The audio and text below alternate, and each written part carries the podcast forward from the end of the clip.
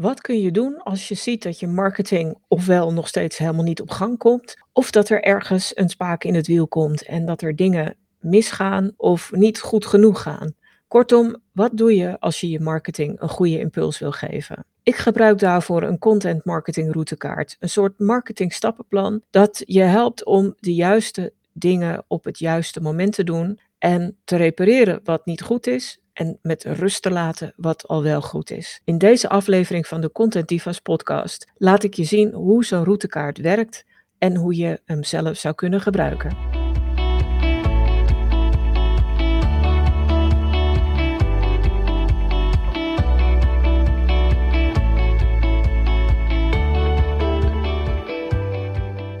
Met een content marketing routekaart heb je als het ware je eigen marketing stappenplan bij de hand. Het is een doordachte manier om de juiste stappen in de juiste volgorde te zetten.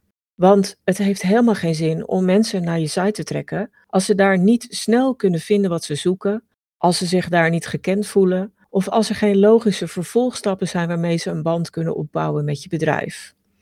Het heeft ook geen zin om op allerlei social media aanwezig te zijn als je daar geen strategie voor hebt.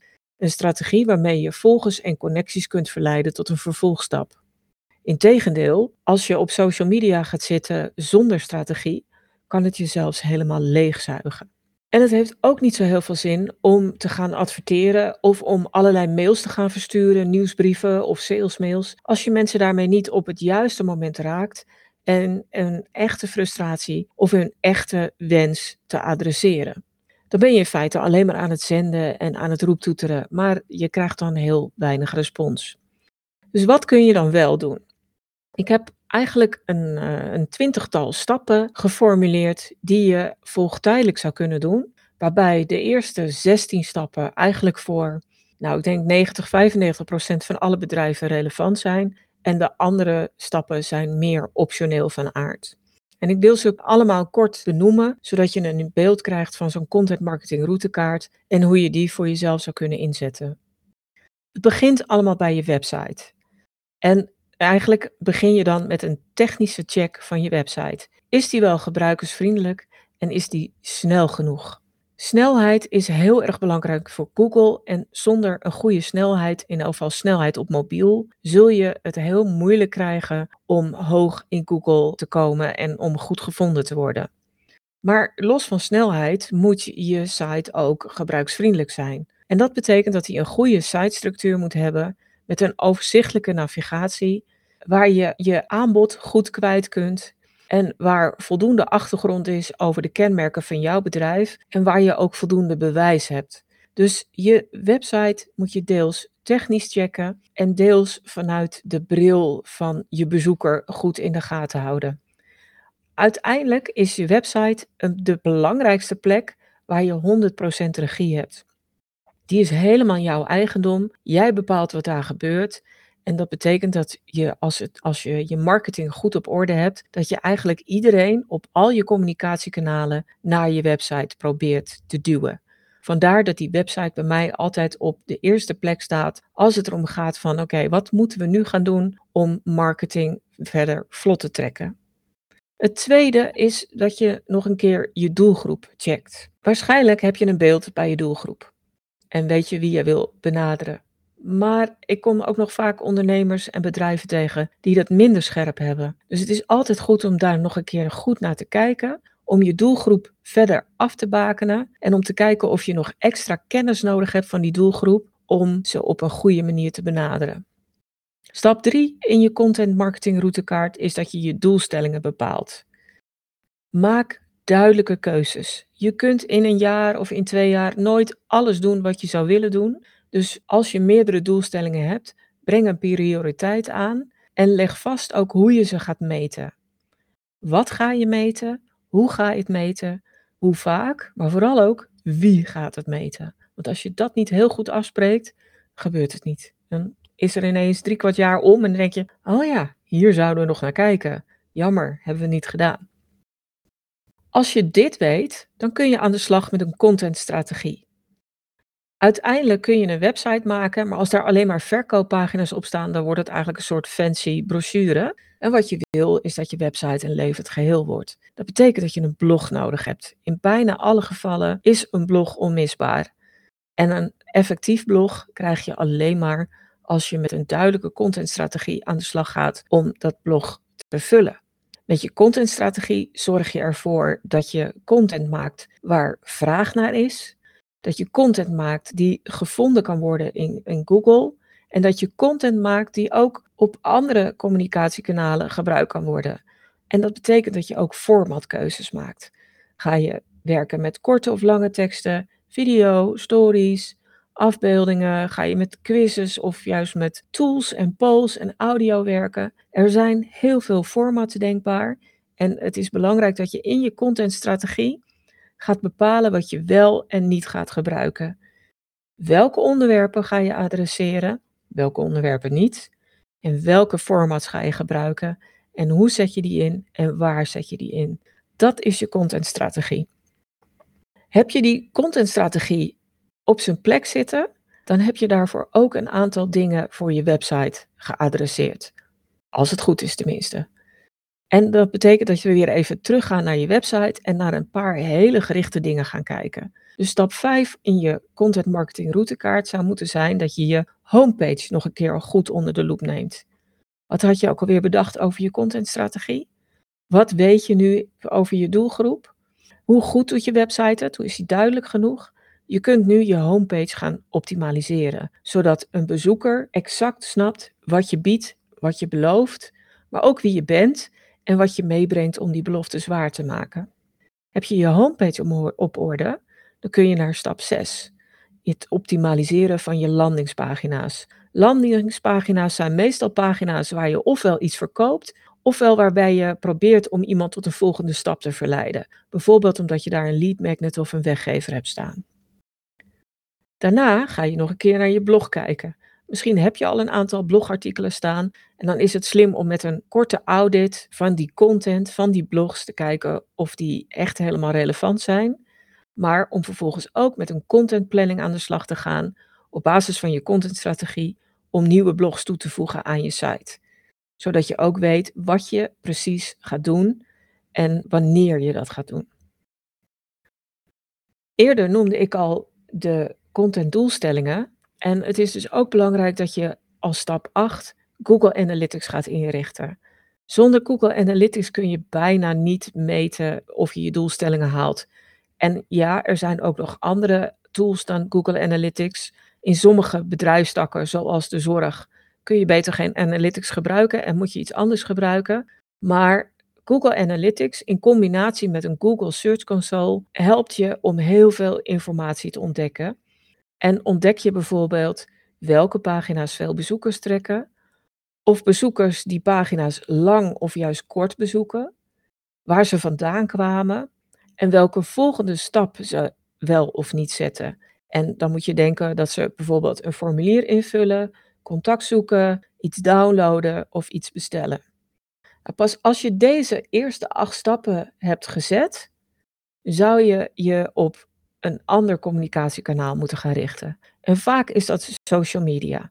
Social media zijn heel erg handig om verkeer te trekken naar je website, afhankelijk van het platform waar je voor kiest. Maar ze zijn ook heel handig om je zichtbaarheid te vergroten, waardoor je naamsbekendheid toeneemt en waardoor mensen als ze straks een keer op je site komen, denken: "Oh ja, die ken ik. Daar ben ik al eens eerder geweest en daar heb ik vertrouwen in." Dus als je naar social media gaat kijken, dan is stap 9 wat mij betreft dat je 1, 2 of 3 social media platforms kiest waar je echt actief gaat zijn. Voor de meeste bedrijven, kleinere bedrijven, is het van belang om één primair platform te kiezen en bijvoorbeeld een tweede platform te pakken waar je ook aanwezig bent, maar waar je wat minder aan, uh, actief boodschappen opdeelt. Als je meer dan twee platforms eh, wil inzetten, dan gaat dat vaak ten koste van de tijd die je voor de eerste twee hebt. En over het algemeen is het handiger en slimmer om één of twee platforms heel goed te benutten, dan op allerlei platformen maar een klein beetje aanwezig te zijn. Dat zet gewoon minder zoden aan de dijk. Misschien, waarschijnlijk, zat je al op social media, maar kijk dan nog eens een keer hoe je social media accounts exact hebt ingericht. Dat is voor mij stap 10. Zeker als ze al een tijdje staan, is het handig om ze nog een keer na te lopen. Vaak zijn er ondertussen functies toegevoegd of veranderd. Of is de hele introductie, de infosectie veranderd op een open account. Of het nou een bio is of een andere informatiesectie. Dus kijk nog een keer of je je social media accounts echt goed hebt ingericht. Kijk naar je bio, kijk naar de informatie, kijk naar de functionaliteiten. En kijk vooral ook nog een keer naar je omslagfoto's en hoe je die zou kunnen gebruiken. Ga je dan echt actief zijn of actiever zijn op die social media accounts, dan is het vaak wel slim om templates te maken of te laten maken voor je social media berichten. En als je dan toch aan de gang gaat met templates, maak ze dan ook meteen voor afbeeldingen op je website, voor documenten zoals PDF's die je kunt delen en voor andere communicatiemiddelen die je mogelijk inzet. Templates maken is voor mij stap 11. Het maakt dat je effectiever, herkenbaarder en vooral ook efficiënter kunt werken met alle uitingen die je de wereld instuurt. Nou, dan hebben we doelstellingen gehad, hebben je website gehad, hebben social media gehad. De volgende stap die je zou moeten doen gaat over het verzamelen van leads. Stap 12 in de content marketing routekaart is dan ook dat je minstens één goede weggever of lead magnet maakt. Bepaal voor jezelf wat een goede weggever is om leads aan te trekken, maar ook wat voor jou het belangrijkste doel is met die leads. Wil je mensen naar je nieuwsbrieflijst hebben? Wil je ze kwalificeren als lead? Wil je ze aanspreken op een bepaald moment in de klantreis of in de customer journey, zodat ze een stap verder kunnen? Of boeien die drie dingen je niet zozeer, maar wil je vooral een weggever maken die een showcase is van je expertise? Dus dat zijn vier heel verschillende doelen die je kunt hebben met een weggever. En het is wel belangrijk om te bedenken wat je doel is en wat dan ook het beste zou kunnen werken voor je doelgroep. Welk probleem kun je oplossen, kun je voorkomen of welke vraag kun je beantwoorden met je lead magnet. En probeer daar zo specifiek mogelijk in te zijn. Heb je die lead magnet gemaakt, dan is het van belang om die goed te distribueren en te promoten. Dat betekent dat je op je website weer gaat kijken waar je die weggever kunt plaatsen en waar je een goede call to action naar die weggever kunt plaatsen. En dat doe je dan, als het goed is, ook vanuit je social media. Op welke plekken op je social media kun je je weggever plaatsen? Uiteindelijk zal je weggever leads opleveren. Die wil je op een lijst hebben staan. Dus stap 14 is dat je een hele goede nieuwsbrieftool kiest. Formuleer welke wensen je hebt, welke eisen je hebt en maak op basis daarvan een eerste selectie. En vraag vooral eens rond bij andere bedrijven of andere ondernemers welke tools hen goed bevallen. Ik adviseer bedrijven vaak om een nieuwsbrieftool te gebruiken die gebaseerd is op tags, zodat je aan alle acties die mensen in die nieuwsbrief kunnen nemen, kunnen doen, een kunt toewijzen, want daarmee leer je je abonnees van je nieuwsbrief veel beter kennen. Maar er zijn allerlei mogelijkheden en dit is mijn voorkeur, maar bedenk vooral wat jouw voorkeur is. Heb je een nieuwsbrieftool gekozen, dan moet je altijd beginnen met het inrichten van een template of meerdere templates. In elk geval je voor je nieuwsbrief, maar misschien voor, ook voor een sobere mail of voor een verkoopmail of voor een nog een ander type mail dat je zou willen versturen.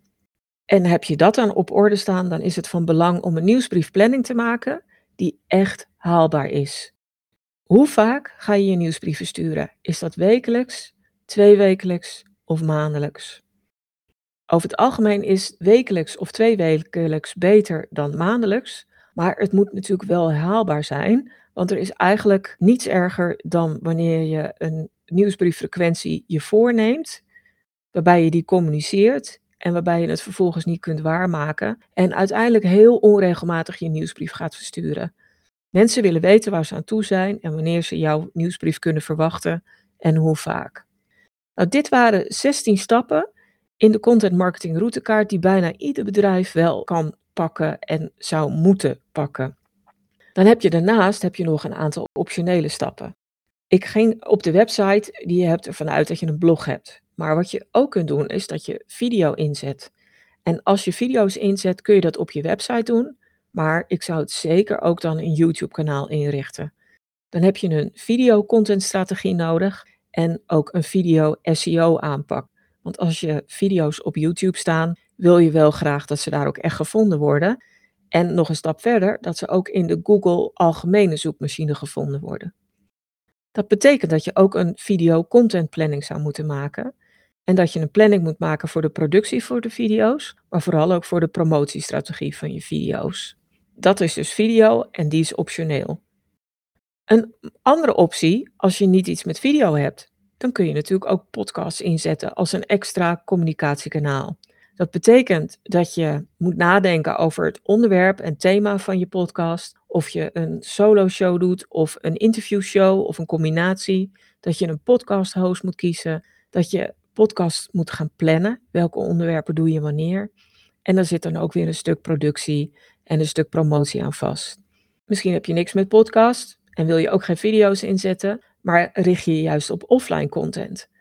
En dat kan voor een heleboel bedrijven ook een hele goede manier zijn. Offline, dan moet je denken aan drukwerk, aan evenementen, uh, workshops, trainingen, congressen, maar ook magazines. Nou, je kunt heel veel dingen bedenken. Ga je offline content inzetten als aanvulling op je website, als aanvulling op social media en op je nieuwsbrief, bepaal ook hier dan een strategie. Hoe ga je het doen? Wat ga je maken of laten maken? Hoe ga je het produceren en hoe ga je het distribueren? En als aller, allerlaatste optie zou ik adverteren inzetten. Adverteren is niet per se slecht, maar als content marketeer ben ik meer een voorstander van organische content en op een organische manier gevonden worden. Maar soms is adverteren wel heel erg handig, al was het maar omdat je daarmee ook je content natuurlijk extra goed onder aandacht kan brengen. De meest voorkomende manieren van adverteren zijn toch wel adverteren op social media, omdat je daarmee heel goed kunt targeten. Dan wel adverteren via Google Ads, omdat je daarmee inspeelt op zoekopdrachten en mensen die concreet naar iets zoeken. Nou, dit waren heel veel punten uit een content marketing routekaart. Ik ga ze ook in de show notes, ga ik ze nog allemaal op een rijtje zetten en verwijzen naar een pagina op de website waar je het ook allemaal nog een keer na kunt lezen. Maar ik ben heel erg voorstander van een volgtijdelijkheid. Dus op het moment dat je denkt van hé, hey, het zit ergens niet lekker, loop dan deze stations uit die routekaart een keer na en kijk van hé, hey, oh wacht, daar hebben wij nog niet een optimaal proces voor. Zit het nog niet helemaal goed? Is voor verbetering vatbaar? Dat ga ik nu eerst doen voordat ik met allerlei andere dingen aan de slag ga. En op die manier kan een content marketing routekaart je heel erg helpen om op een goed georganiseerde manier je marketing en de inzet van content te verbeteren. Dankjewel voor het luisteren. Voel je zeker vrij om deze aflevering van de Content Divas podcast met anderen te delen als je denkt dat dit van pas kan komen. En heb je zelf een handige tip of inzicht opgedaan met deze aflevering, dan hoop ik dat je een review wil achterlaten. Heb je nog meer vragen, zoek je meer informatie, neem dan zeker een kijkje op de website. Die vind je op stroop.nl met dubbel S. En daar vind je natuurlijk ook die handige content kennisbank waar je allerlei gratis checklists, stappenplannen, handleidingen en nog veel meer kunt vinden.